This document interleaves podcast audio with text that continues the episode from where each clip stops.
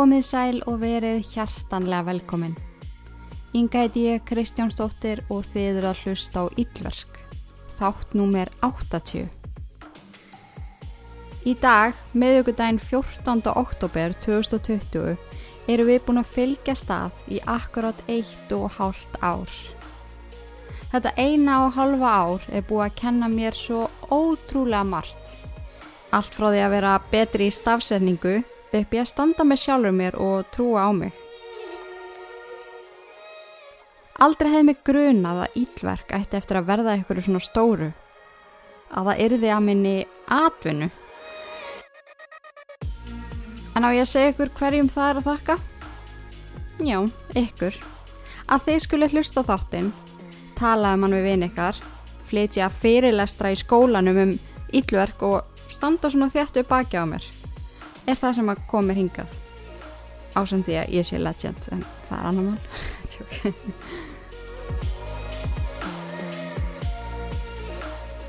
En ég vil að hvert eitt og einasta mannsbarð sem er að hlusta núna viti hversu fárólega þakklátt ég er. Ef það var ekki COVID þá myndi ég koma og kissa ykkur öll. En til að sína þakklæti mitt þá verður hreina gjafaleikja og afsláttakóða sem að ég mun segja frá inn á Ídverk Facebook-grúpunni og Ídverk podcast uh, á Instagram. Svo endilega fylgist vel með þar. Auk þess þá fáið þið auka þátt í þessu mánuði sem mun koma út í Halloween vikunni.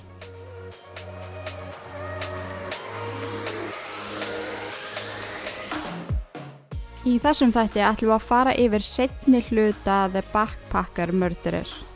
Svo ef að þið eru ekki búin að hlusta á part 1 þá myndi ég klárlega að gera það fyrst því að annars mun þessi þáttur ekki make a mikinn sens. En svo við reyfjum aðeins upp síðasta þátt þá fóru við yfir undarleg mannskvörf ungra bakbókaferðalanga í Ástralju. Öll hefðu það sameigilegt að finna sláttinn með stungusár efst í mænunni sem er talin hafa verið ákveðin taktík morðingjans til að lama fórnalampið. Við vorum komið með grunaðan mann í hendurnar sem að bar nafnið Ívan Mílat en breskur bakbókaferðalangur hafði sambandu lauruglu eftir hann sá frettinnar af mannskörunum. En hann hafði lendi ansi undalegu atviki þegar hann var á bakbókaferðalagi Ástralju og kannast einhvern veginn við aðstæður og kannast við staðinn þar sem að ungmennin sem að hurfu fundust á vendanum. En ég þarf líka að fá að leiðrætta eitt. En í síðasta þætti þá fyrðaði ég mig á því hversu ótrúlega há fundalaunin voru. Sem svo fyrir þann sem gæti veitt lauruglu ykkur upplýsingar. Ég saði 500.000 dólarar sem eru rúmar 70 miljónir íslenskra króna. En það eru auðvitað verið að meina 500.000 í áströlskum peningum.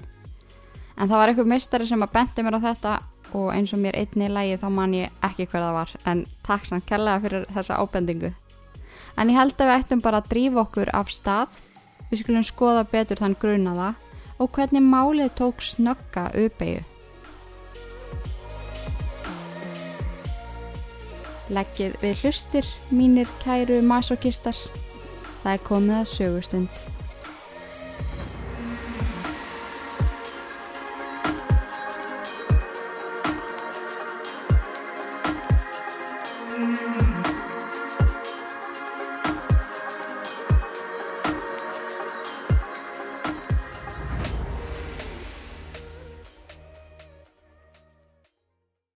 Eftir að Paul Onions hafi bent á Ívan Mílat í tíumanna line-upi sem mannin sem að reðst á hann í bakbókaferðalagi sínum Ástralju var gerð leit á heimili hans. En þar fannst gríðalegt magn af skotvopnum. En það vopp sem að vakti mesta aðtegli lauruglu var 22 kalibera rúkarifill og bráning pistól sem að pössuði við hilkin sem að fundust hjá líkamsleifum, ungmennana.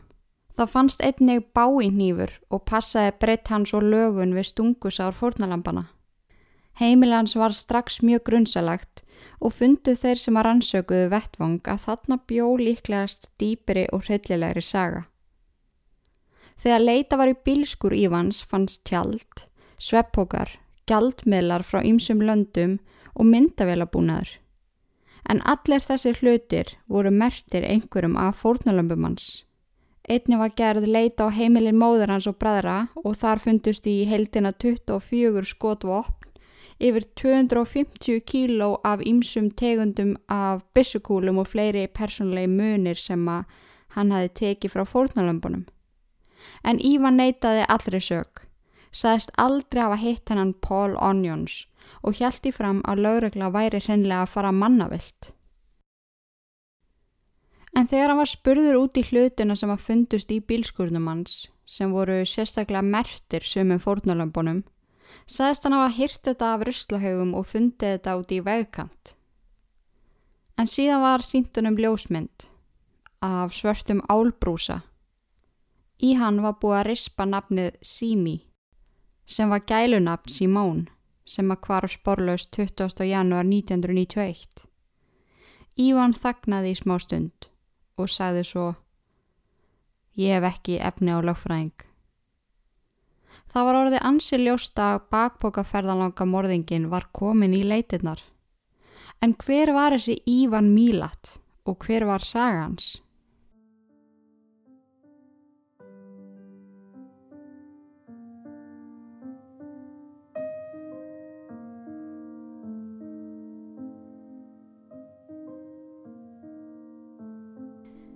Ívan Róberst Markó var fættur 27. desember 1944 í hrörlegu Weatherboard Cottage sem er nokkus konar einingarhús. Það var staðsett í Bosley Park 36 km vestan við Sydney í Ástralju. Pappan Stephen vann sem verktaki og tók að sér hinn ymsu smíðaverkefni og vann hann yfirleitt 10 klukkustundur á dag alla daga vikunar. En mammans, Margaret, var heimavinnandi. Stephen kynntist Margaret þegar hann var 32 ára og hún var 14 ára.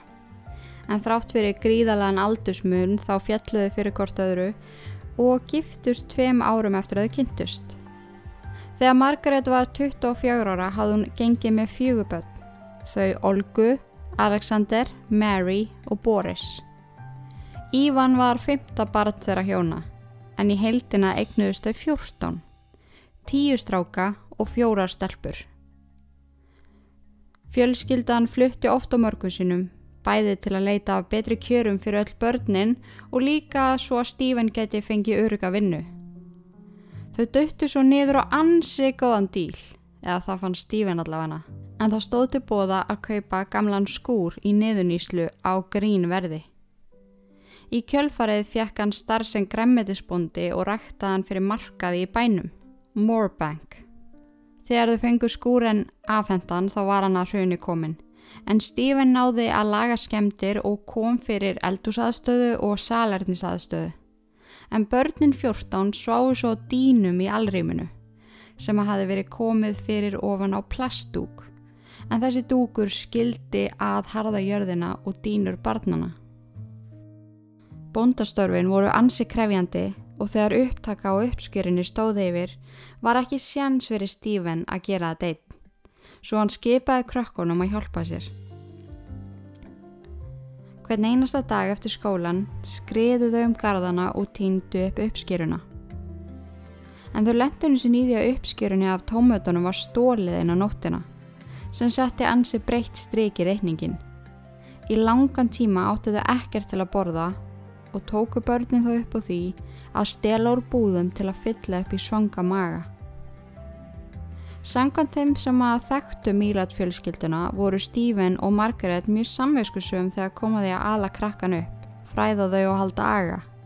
Stephen sem var ansið hljóðlátu maður átti það samt til að verða æfa reyður ef að börnin ólíðinuðust eða höfðu of mikið læti. Þá hótaði hann að berja þau eða koma þeim fyrir hjá annari fjölskyldu. Það var mikill harmleikur í fjölskyldunni þegar næst elsta dóttir hjónana, Margaret, lesti í bílslisi aðeins 20 ára gömul. Það má í raun segja að foreldrarnir hafi aldrei orðið söm eftir það. Margaret eldri greitt alla nætur og Stephen varð enn þögulli. En börnunum var bannað að ræða andlat sýstu sinnar. Þetta var búið og það þýtti ekkit að ræða þetta meira. Ívan og bræður hans voru sendir í drengjaskólan Christian Brothers og urðu þeir mjög fljótt flokkar sem vandraðgemsar. Boris, Ívan og Michael Milat urðu á nokkuð skona gengi í skólanum sem að lamdi aðra stráka og stála á þeim vasapenning og nesti. Þeir fyktuðu með bissur og lékusur að því að skjóta á flöskur. Það komu upp mjög mörg agavandamál í skólanum og foreldra drengina voru kölluð hvað eftir annað á fund skólastjóra. Það endaði svo með því að nám þeirra var fært heim, sem var mjög tilgangslust því að strákarnir hlustuðu bara alls ekkit á mömmu sína stálust út og stunduðu hérna ímsu smáglæpi liðlangan daginn. Þegar Ívan var 13 ára var hann dæmtur í fangelsi fyrir að stel úr vestlun og þurft hann að sitja í 6 mánuði í úlingafangelsi. Þarna að telja margir, þá sérstaklega bróður hans Boris, að eitthvað ílt væri að gerjast innra með honum. Þegar hann losnaði var ekki arða af áhugaði að breytast, fá sér vinnu eða að lifa eðlilegu lífi. Hann fór aftur á stil og búðum, leika sér að því að kæfa ketti og einu sinni ristan hundahól. Boris bróður hann segist hafa orðið verilega hrættur við hann eftir það. Hann hafi horst upp á bróðu sinn, gera þetta við hundin og vera brosandi á meðan sem honum fannst ógeðslegt. Hann var dæmtur í átti og mánaða fangelsi fyrir að stela bifrið þegar hann var 17 ára gammal og mánuð eftir hann losnaði þaðan framtann innbrót og fekk aðra átjón mánuði.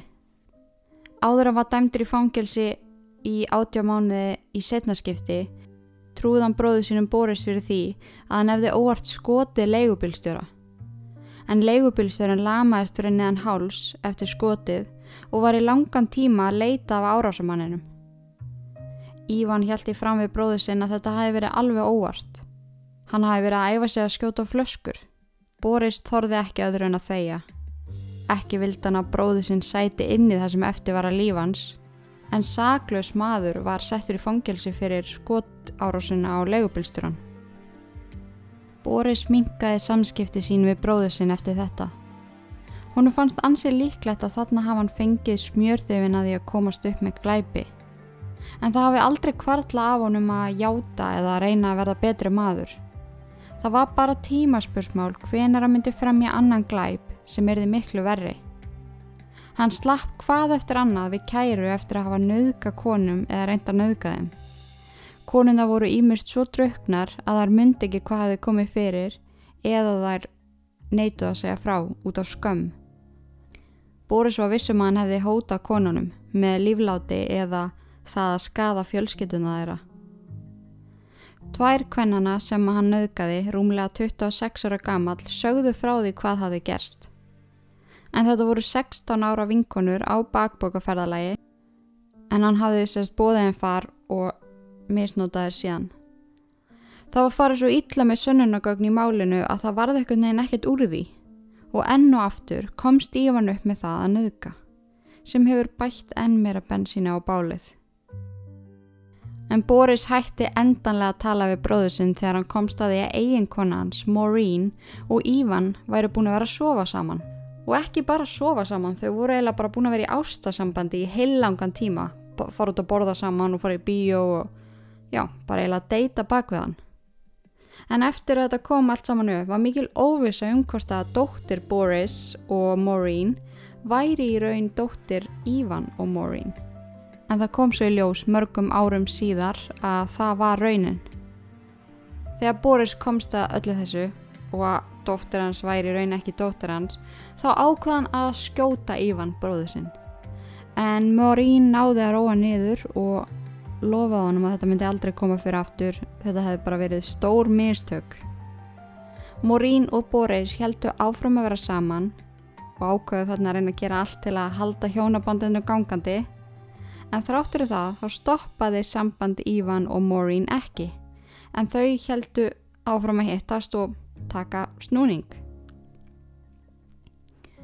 Ekki nómið það, á meðan hann hjælt við Maureen, hjælt hann líka við Marlin, eigin konu Wally, yngri bróðu síns. En þegar það kom upp þá skiplaði Wally að drepa bróðu sín í svefni. Hann saði eigin konu sinni frá planinu sem að laumaði upplýsingunum svo að til Ívan svo hann geti bröðust við. Eftir að Valli kom askvaðandi inn á heimili Ívan til að skjóta hann og koma tómum kofanum, létur í raunin eins og þetta hefði aldrei komið fyrir og Valli fyrirgaf bróðu sínum. Þeir höfðu alla æfi verið mjög góðu vinir og alltaf mjög nánir, svo hann komst upp með þetta eins og svo margt annað í lífinu. En ég lasi mitt viðtalu við bæði Maureen og Marlin en mér þóttu einhvern veginn svo áhugavert hvernig það er lístónum. Þessar lýsingar renna líka svo sterkum stóðum undir svona glæsi glæbón kenninguna. En það er svo fáralega algengt að raðmóringjar og annars konar glæbamenn sé alveg ofsalega hillandi. En það er lýsunum báðar sem algjörum herramanni, hann hafi verið miklu meiri herramaður en bræður hans, bóðið þeim fínt út að borða, opna fyrir þeim hurðir og teki í höndir að þeirra gengur niður stiga, þetta er svona klassísku svona gentleman move. En hann var líka alltaf mun snirtilegri en bræðu sín er þetta voru svona hálgerðir hillbillies. Ekki það að ég sé á móti um, þeim flokk fólks þetta var mögulega ítla orðað en ok en hann var líka bara svona betur orðið komin og einmitt, það var bara eitthvað meira við hann heldur en alla hína tíu bræðu sínar en það er eiginlega alveg magnað að hann hafi verið með tvær mákunur í einu svona með við aldur og fyrir störf En síðan kynntist hann verðandi eiginkonu sinni Karen Dökk sem var 13 árum yngre en hann. Hún hafði hins vegar aðeins aðra sögu að segja á honum.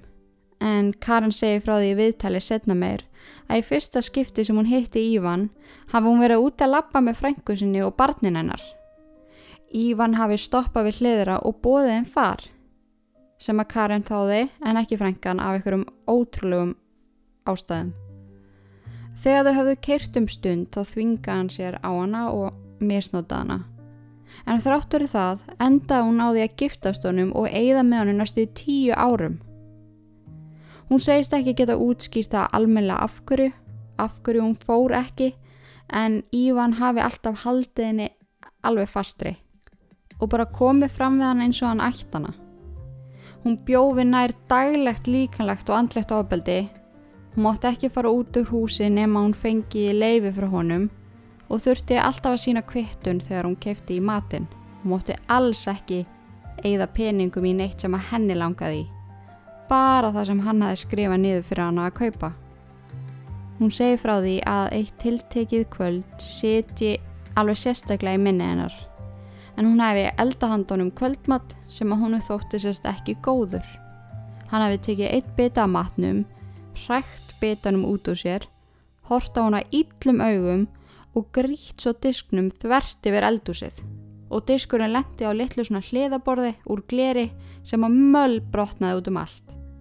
Og Karin fer aðna á hérna fyrir að segja sóp og skóplu og ætlar að reyna að sópa upp klærblötin sem að lág út um allt eldús og stofu en hann stoppar hann af.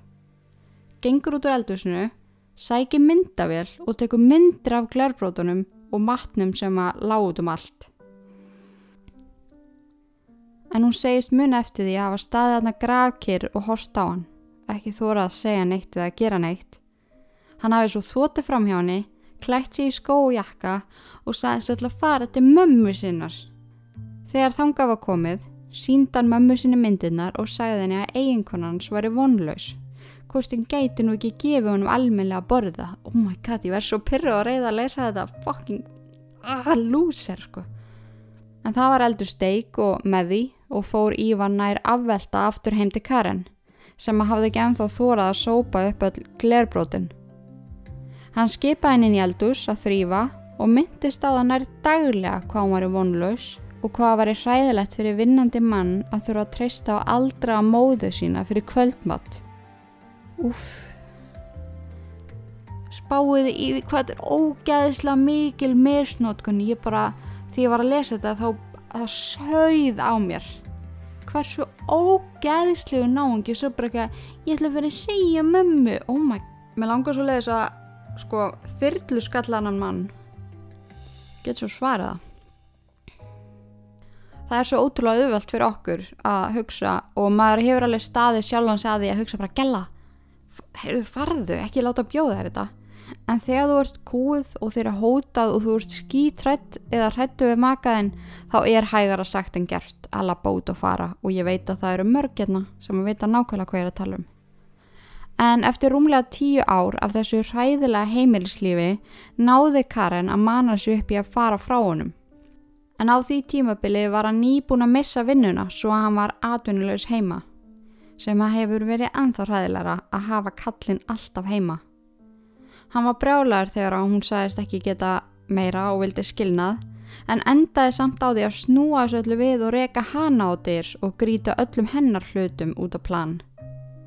En fyrir algjör að tilviljun, eða þannig, þá brann hús fóröldrænar til kaldra kóla viku eftir hún flutti frá honum. Hann ætlaði sko ekki að leifin að komast upp með það að fara bara en Karen grunnaði strax hver hafi verið að verki en gæt samt ekki á neitt hátt sannaða fyrir lauruglu. Máli var því flokka sem slis og þurfti Ívan aldrei að eiga við neinar afleðingar. Þarna fer hann aftur að halda við mákonu sína Marlin og í þetta skipti þá vildi hún meira en að vera bara bólfélagar. En hún var tilbúin að skilja við bróður hans og reyna á alvöru samband uh, með Ívan. En hann vildi það alls ekki sagðist ekki vilja særa bróðu sinn aftur. Mikið er hann nú almenlegur. Svo Marlene sleit sambandinu. En þarna voru tvær konur búin að hafna honum á stuttum tíma sem hefur örgulega haft gríðarlega áhrif á sjálfs ímyndanans. En eftir þetta byrjaði hreina hræðilegra atburða. Marlene segi frá því setna meir að sambandslitin hafi mögulega geta verið íkveikjan af öllu sem átti eftir að koma fyrir. En áður við höldum áfram með sögu Ívan Mílat skulum við heyra nokkur orð frá styrtaræðila þáttarins.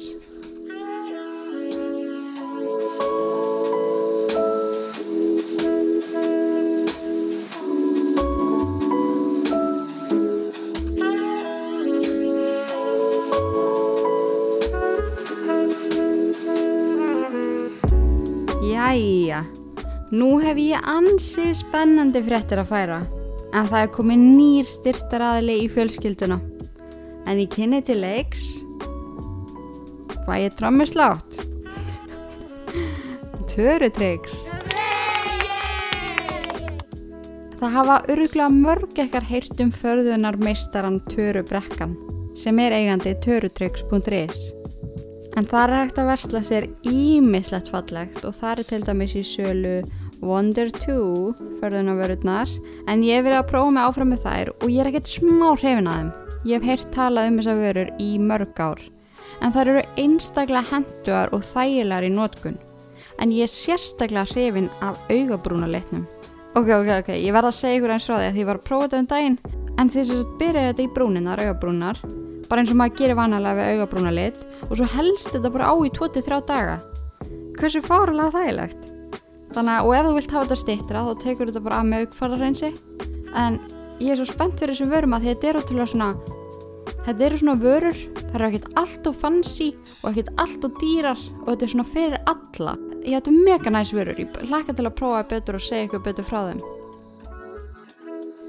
en svo verði líka að fá að minnast á Beauty Life ringljósið Vá, ég hef sko, hversu brilljant, en ég er nokkuð vissum að þetta verði svona go to jólagjöfin í ár. En þetta hringljós er ótrúlega þægilegt í starf, hann er á þrejum svona fótum, þetta er svona þrýfótur og síðan er standu fyrir síman og þannig að þú ert að taka myndir eða veist, horfa þætti í símanum og skrifa í dagbúkina þín og vanta ljós þá er þetta fullkomið og svo tengir þetta bara í tölvuna. Þá kemur ljós og svo getur þú stilt hvort það sé kvítbyrta eða hlýbyrta og há eða lábyrta og þetta er bara fárulega þægilegt og fyrirferða lítið.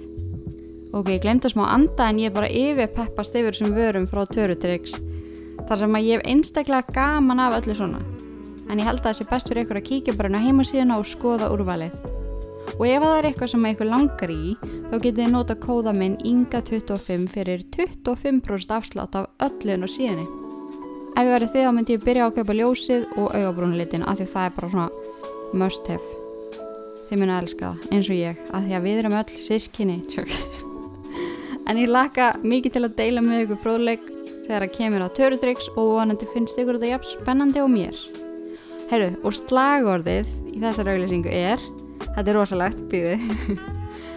Ég sitt með Twix, ískalt mix og skoða törutryggs. Já! Erum við að ræða besta slagorði hinga til það? Tara, Tara, ef þú ert að hlusta á þetta, þá getur þú að fara strax að hérna brenda út bóli með þessu slagorði. Oh my god. Ógæsla mikill lúði. Törutryggs.is Takk og bless.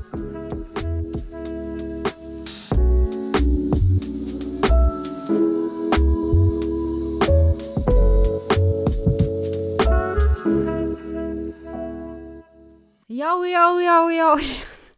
Sælar hlustendu góðar. Af hverju get ég ekki verið jafn nett og tvíhauði? I don't get it. En já, hæ, velkomin aftur. Hvert voru við komin? Ætla ég bara ekki að læra þetta. Ég, ég er ekki þjóka, ég ætla bara ekki að læra að merka við hvar ég er komin. Má ég sjá? Bú, bú, bú, bú, bú, bú, bú, bú, bú, bú. Ok, hvað lag er ég að að syngja.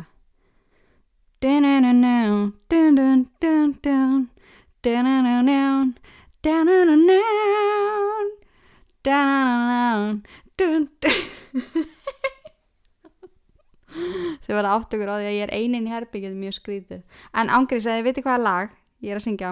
Þá setið það inn á ítverkgrúpuna sá sem segir það fyrstur hann fær velun ángríns En já, árið 1974 tók Ívan aðra unga konu upp í bíltið sín.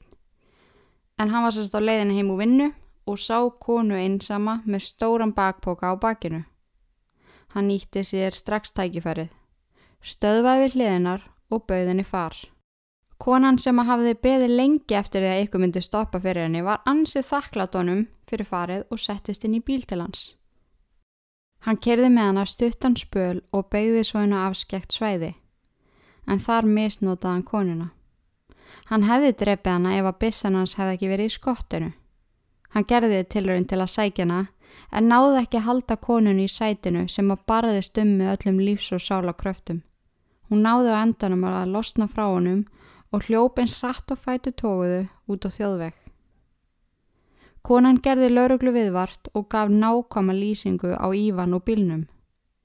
Það var sett upp ansið þjætt leita á honum, líst eftir honum í sjónvarpi, útvarpi og dagblöðum, en Ívan var staðrán í því að láta ekki ná sér. Hann sviðsetti dauða sinn með því að skilja skóni sína eftir hjá The Gap, sem er mjög sorglegt að segja en það er algengur sjálfsvíkstaður í Ástralíu. Í tvö ár náðan að lifa í félu frá lauruglu. Það var eitthvað hægt að leita á honum þegar skórni fundust því að lauruglan og fjölskyldan hans hjælt hann var í dáin. Þannig í tvö og hálft ár náðan að lifa í lend.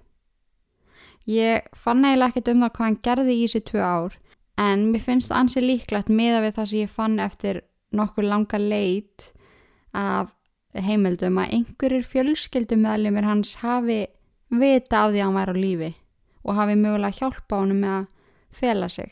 Mér finnst það freka líklegt. Líka meða við hvernig Mílat fjölskyldan er sem að þeim muni fatta hvað við þegar við erum búin að fara eins lengra inn í málið. Árið 1988 fóru ungir bakbókaferðalangar að hverfa sporlust. Fyrst voru þau Debra Everest og James Gibson sem voru ungt par á ferðalagi en líkamslegar þeirra fundust þann 30. desember 1989.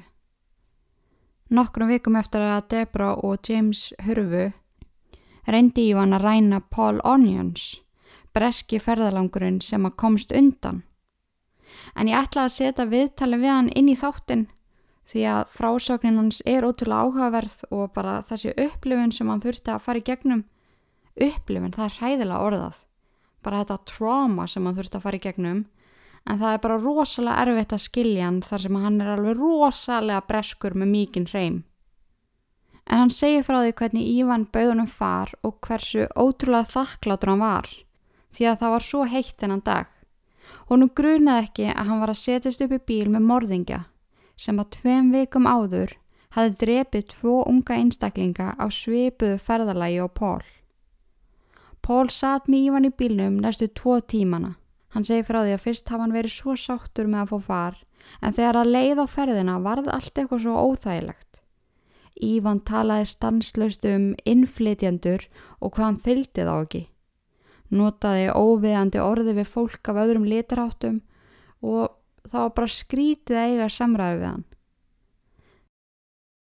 Það sem gerði Pól svo virkilega hrættan var þegar hann tók eftir Ívan kíkja í baksínu speilin og hliðaspeklan og svona aftur og aftur. En það var enginn fyrir aftan þá og Pól spyr hvort það sé ekki alltaf lægi. En Ívan segir honum þá að hann ætla að stoppa bílinn og sækja kassettur undir sætið, svo þeir geti hlusta á betri tónlist.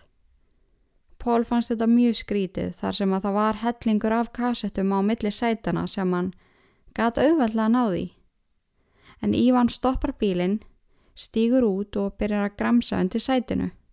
Pól var þetta verulega órótt og hugsaði með sér hvað var eiginlega best að gera. En eitt partur á honum sað honum að hlaupa í burtu frá bílnum en annar partur á honum sað honum að vera þakklátur manninum fyrir að gefa sér far. Hann ákvaði að fara millivegin, stíga út úr bílnum og tegja þess úr sér eftir að hafa setið í rúmlega tvo klukkutíma. Hann rekku við þegar Ívan kalla til hans Býtu, hvað ert þú að gera? Pól sest aftur inn í bílinn og segir honum að hann hafi bara alltaf að tegja úr sér. Ívan sest á aftur og gerir sér líklan til að leggja af stað. Hikar svo aðeins og segist alltaf að leita aðeins betur af uppáhaldskassettunni sinni. Þegar hann segi þetta, þá fann Pól kaldan hrollfar um sig. Það er eitthvað skríti í gangi. Og ég bæði að lýsa viðtælinu, ég bara veist, skrifaði viðtælinu niður og er að veist, kvóta hann á íslensku auðvitað kannski aðeins öðru í þessu orðað. En ég skal setja viðtalið inn á Instagram þannig að ég geti hlusta á það. Það er bara aldrei komist alveg í gegn hérna. En já, hann átti segja á því að það sé eitthvað skríti í gangi og í því heyra hann smell upp við eira á sér. Ívan var ekki sækjan en að kassettu heldur bissu sem hann var núna að miða á pól. Með hinni hendinni sótt hann kaðal undan sætinu. Hann segi sjálfur að þarna vissan að þetta væri búið Í algjöru paniki greip hann í hurðahúnin og sprettur út úr bílnum eins hratt og hann mögulega gatt. Hann veifaði til bílana sem kerði á mótonum og fólk hægði actually bara á sér og kerði svo framhjá, greinlega mjög hrættu aðstæður. Pól heyrði svo fótatak Ívan nálgast sem kom hlaupandi að honum og skipa honum að fara aftur inn í bíl, annars myndi hann skjóta. Pól öskra á bílana sem kerði á móti, stoppiði, stoppiði og síðan finnur hann Ívan rífa með öllu afli í bólinn hans og draga hann aftur á bylnum. En eitthvað innra með Pól gaf hann styrk til að berast á móti og losa sig úr greipum hans. Hann hugsaði með sér að freka mynd hann hlaupa beint fram hann á bílana og deyja þannig, heldur hann að fara aftur inn í bíl Ívans. Hann stóði upp og hljópa aftur út á götu og beinti í vega fyrir Jóhannu sem að koma aðgandi á samt börnunum sínu fimm. Hann reyfi pörðin á bílnum og flegði sér inn. Hún öskra á hann að koma sér út úr bílnum hvað hann væri eiginlega að gera og hann öskra á hanna tilbaka og reynda að útskýra fyrir henni hvað væri eiginlega í gangi. Þegar Jóhanna tók eftir í hann sem var stóð anspænis með byssu í hönd byrjaði hann að bakka bílnum í burtu frá vettvangi og sagði Pól að hún skildi komunum upp á lauruglustöð. Þegar þau bökkuðu bílum tilbaka horfðuðu beint í augu Ívans sem stóð hjá bílnum sínum og fyldis með þeim fara í burtu. Pól saði frá öllu sem að hafi komið fyrir, lísti bifriðinni og manninum, en Ívan var fljótur í félur. Pól hafði engan áhuga á því að dvelja lengur í Ástralju. Hún langaði ekkert meira en að fara aftur heim til Breitlands. Þegar hann fór þá kólnaði málið og í heilt ár hjælt Ívan sér til hljés. En fjölskyldan hans hjálpa honum alveg pottið að halda sér í felum. En þegar hann taldi sér vera örugan, hjælt hann áfram að ráðast á unga bakbókaferðalanga og má ætla að taktikinn sem hann hafi notað hafi verið svipuð og hann notaði á Paul Onions. Næsta fornalamp Ívans var þýski ferðalangurinn Simón. 11 mánuðum eftir kvarf hennar á Boxing Day 27. desember 1991 tók hann Önju og Geibor Naukenbauer upp í bíltissinn. Þá var Geibor mjög hávaksinn og stundæði kraftleftingar að kappi. Það taldist því ansi ólíklegt að Ívan hafi geta ráði við hann aðleitt. en hann var fyrsta fórnulambið sem var lést vegna skótsára í höfuðið. Þannig að maður veldi í fyrir sér og margir hafa veldi í fyrir sér síðan hvort ykkur hafi hjálpað Ívan við þetta allt saman. Rúmlega þrem mánuðum eftir körfin á Önju og Geibor eða um páskana 1992 tóku Ívan upp í bíl til sín Joanne Walters og Caroline Clark. Þær voru síðustu fórnulambans en þær voru fyrstar til að finna slátnar. Morðið á Caroline Clark vakti sérstaklega aðtegli þeirra sem að rannsökuðu málið. Því það virðist sem að lík hennar hafi verið nota sem eitthvað skonar æfingaskotmark. Því rúmlega tíu metrum frá henni fundust hilki af tíu bissukúlum og í líki hennar fundust tíu skot. Sá sem æfði sig, keðjureikti greinilega sex longbít síkaretur á meðan skotæfingin stóð yfir. Réttargeðleiknirinn Dr. Rod Milton rannsakaði vettvangin daginn eftir að Caroline og Joanne fundust. Hann saði allt bendi til þess að tveir hefðu verið að verki. Líkin voru nokkurt spöl í burtu frá hvort öðru og það hafði augljóslega verið misnótað stúlkunar. Bæði nýfur og bissa hafi verið nótuð. Það meikaði engan sens að Ívan hefði gert þetta einn. Og svona ef maður spáir í því þá er það mjög ólíklegt. Því að skotsárin voru ekki það sem myrti stúlkunar heldur stungusárin í efsta hluta mænunar. En stunga á þannan stað gerir einstaklinga lamaða samstundis. Svo mögulega voru tveir menna verki sem notuðu mismannandi taktík og fóru svo með líkin bara á sikkert staðin, annar kláraði af og gekk í burtu og leik sér að því að skjóta líkið á meðan hann reykti long beat síkaretur. En Dr. Rod Milton saði að ef það voru ekki tveir morðingjar á ferð þá voru allavega tveir personleikar þannig á ferð. Þótt að væri nær ómögulegt að sanna orð Dr. Rod Milton þá gáttu þeir sem rannsökuðu málið ekki annað en haft hennan möguleika á bakvið eirað. Á meðan á rannsókninni stóð og The Backpack Murders var frett á allra vörum faldi Ívan sig e, í Nýja sjálandi. Hann kom heim til að heimsækja mömmu sinna á sjúkrásið eftir að hún fekk vægt hjartáfall. En á svipum tíma og hann snýra aftur heim var verið að fljúa Paul Onions til Ástralíu frá Breitlandi svo hann geti hjálpa til með rannsóknina. En eins og ég sagði annarkort í byrjun þessa þáttar eða í endanum á síðasta þá ringdi Paul Onions og let vita af upplifin sinni eftir hann sá fréttina um The Backpack Murders því honum fannst þetta svo sláandi líkt því sem að hann lendi í og á nákvæmlega sömu slóðum. Það er því honum að þakka að Ívan Mílat var handtekinn eftir að Pól benti á hann af tíu öðrum glæpamönnum sem var raðað upp. En við skulum fara aðeins betur yfir þetta og fara yfir það sem fannst á heimilans og hvaða upplýsingar komu upp í kjölfarið. En maður getur ykkur nefn ekki annað en hallast að því að ykkur annar í fjölskyldunni hafi tekið þátt í þessum meðanum eftir að heyra komandi upplýsingar en eins og ég sagði ykkur á hann þá fundust ýmsar eigur tíndu ferðalangana á heimili Ívan, móður Ívans og heima á bróður hans. Það fannst gríðalegt magna af skotvopnum sum þeirra voru ólögleg en eins og hefur komið fram var Ívan gríðalega mikill áhuga maður um bissur og hafði einmitt sem úrlingur leikið sér að því að skjóta á flöskur og fuggla. En Ívan var dæmdu fyrir mannrán, ólögleg vopn og morðið á sjö einstaklingum og réttahöldin hófust 1996 og stóði yfir í 15 vikur. En Ímis komment frá vinnufélagum Ívan vöktu aðtegli eins og einn vinnufélagan sagði við lauruglu Það eru fleiri og þá eftir að finna þessi þýsku. Það var smá eins og hann hafi mistið þetta út úr sér og vildi svo ekki segja meira. Og þegar Ívan var spurður út í þessi komment uh, sagði hann að vinnufélagi sinn væri bara ljúa það var í raun ekkert þetta að gera með þessi komment þar sem þetta voru bara orð gegn orði en það var erfitt að gleima þessu. Lögfræðingar Ívan hjæltu því fram að það var í bókstala engin sönnunagögn fyrir því að hann hefði gert þetta. Eina sem var hægt að benda á var frásögn Pól og hlutinni sem að fundust á heimili Ívan sem að ferðalanganir áttu. Og þótt að þetta sé óleiklegt þá er alveg möguleiki að hann hafi fundið þessa hluti með fram veginum og í ruslinni eins og hann hjælt fram, en það er mjög langsótt. En það voru engin önnur sönnunagögn.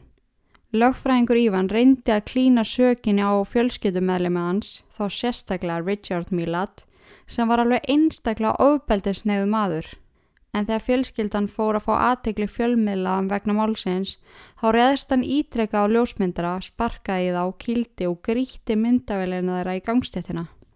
27. júli 1996 fekk hann samt sem áður lífstjadóm fyrir glæpi sína. En máli var enga veginn búið samt. Árið 2012 var frændi Ívan Matthew Millard sem var þá 19 ára og vinur hans Cohen Klein dæmdir fyrir morðið á David Auchenloney sem var 17 ára gammal. Þau drápa hann með því að högva exi í efsta hluta mænu hans inn í Bengalo State skóginum. Þeir tóku árásana upp á síma sinn og póstuði á samfélagsmeila pælið því. En af hverju gerðu þeir þetta í þessum tiltakna skógi? Var það því að þeir hefðu gert þetta áður með ykkurum öðrum eða fengur innblástur frá Ívan Frenda? Lauruglum var nokkuð vissum að hann hefði tekið þátt í fleiri morðum en þessum sjö sem hann var dæmdu fyrir en árið 2001 þá var pressa á Ívan um upplýsingar í tengslu kvarfið á þrem ungum stúlkum sem voru á bakbókaferðalagi og hurfu sporlust. Það var aftur pressa á hann 2003 í tengslu kvarfið á tveim hjúgrunafræðingum og síðan þriðjaskiptið árið 2005 út á kvarfinu á Annette Biffa. Allar þessa konur hurfu á svipum tíma og The Backpacker Murders fóru fram og hafðu líkamslegar þeirra aldrei fundist. Ívan neytaði að tjá sig og sagðist ekkert vita að málið og endarum þá kolnaði þetta. Margir trúa því að sýstir Ívan, Shirley, hafi tekið þátt í að myrða ungu ferðalangana eða hafi allavega að vita af því. Löffræðingur Ívans benti réttilega á að síkrettunar sem að fundust tíu metrum frá líki Jóhannu hafi ekki verið rektar af Ían þar sem að hann hafði ekki rekt síðan hann var úrlingur en sýstir hans reykti sömu síkrettur og fundust á vettvang og hann Ívan bjóði mitt hjá henni í ákveðin tíma á meðan morðin stóði yfir. Hmm. Yngri bróður þeirra, George, sagði við lauruglu Shirley was in on it og I can't really say Shirley did commit the murders. All I can say is she was involved. Það er svolítið undalegt. Bæði þetta með síkrettunar og bæði með þetta komment frá yngri bróður og George. Það kom einni í ljós að þau hefðu átt í kynferðislu sambandi í nánast 30 ár sem er viðbjöslegt. En kannski unnuðu saman sem eitthvað sekk sískina dúo. Spáðið í því, hú veist, spáðið þessi, þau voru sískinni í ástasambandi, þau áttu sama, sömu mammu, sömu pappa, hún rekti þessar síkrettur, hann bjó heima hjá henni, hvað ef þetta var eitthvað sick and twisted dæmi? Hmm, það er alveg verðt að spá í því sko. Það var einni komið upp nokkur dæmi um þar sem fjölskylda Ívans var greinilega að ljúa til um staðsetningu hans þegar hún vantaði fjárvestasannanir en það kom svo fram á kvittunum, öryggismyndavelum og bara sögur þeirra voru einhvern veginn ekki að passa saman. Þannig að það var mjög margt yffi við kannski ekki endilega dóminans en það var margt mjög yffi bara við fjölskyldunans. Árið 1997 uh, náði Ívan að flýja ár fangelsi á samt allræmdum fíknefnarsala. Þeir voru hins vegar gómaðir sama dag og enna aftur komst Ívan í frettinnar. Eftir þetta var Ívan fluttur í Hámarks öryggisfangelsi í Goulburn en hann hjælti alltaf fram að hann væri saklaus og fór ímsa leiðir til þess að sína fram á það en í janúar 2009 þá skar hann af sér litlafingur með plastnýf en hann ætlaði sérst að senda þannan pötta til ríkisaksóknara og þannig ætlaði hann að leggja áherslu á sakleysi sitt og hann væri tilbúin að gera hvað sem er til að sanna það. Hann var lagðurinn á spítala vegna alvarlegar síkingar sem hann fekk eftir að hafa skorað þessi puttan með plastnýf og náðist nömlega björgunum.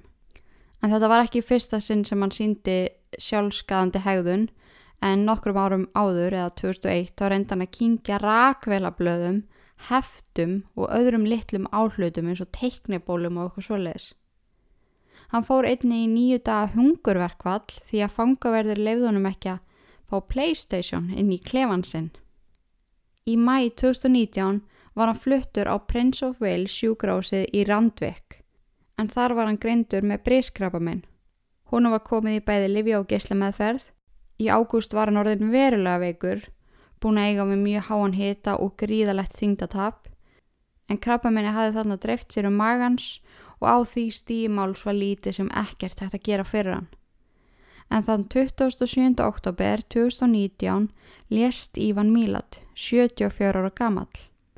Og maður spyr sig, var það backpacker mörder sem var að deyja þarna eða voru fleiri? En það er spurning sem að margir hafa velt fyrir sér og gera en í dag við fáum sennilega aldrei almennlegt svar við því. En ég væri samt til að heyra hvað þið haldið. Haldið þið að Mílat fjölskyldan hafi átt stórt lendamál og væri mögulega hilma yfir hvort öðru? Sama hvað svarið er, þá letust sjö saklusir einstaklingar, mögulega fleiri og ég get sagt ykkur að í öllum viðtölum sem að Ívan fór í síndan enga meðöngun. Hún var nákvæmlega sama. En ég heldur segjum þetta gott af máli Ívan Mílat eða The Backpack Murderer. Þanga til næst. Takk fyrir að hlusta, takk fyrir að til og í guðanabænum forðist öll ítlverk. Nema þetta podcast. Verið sæl.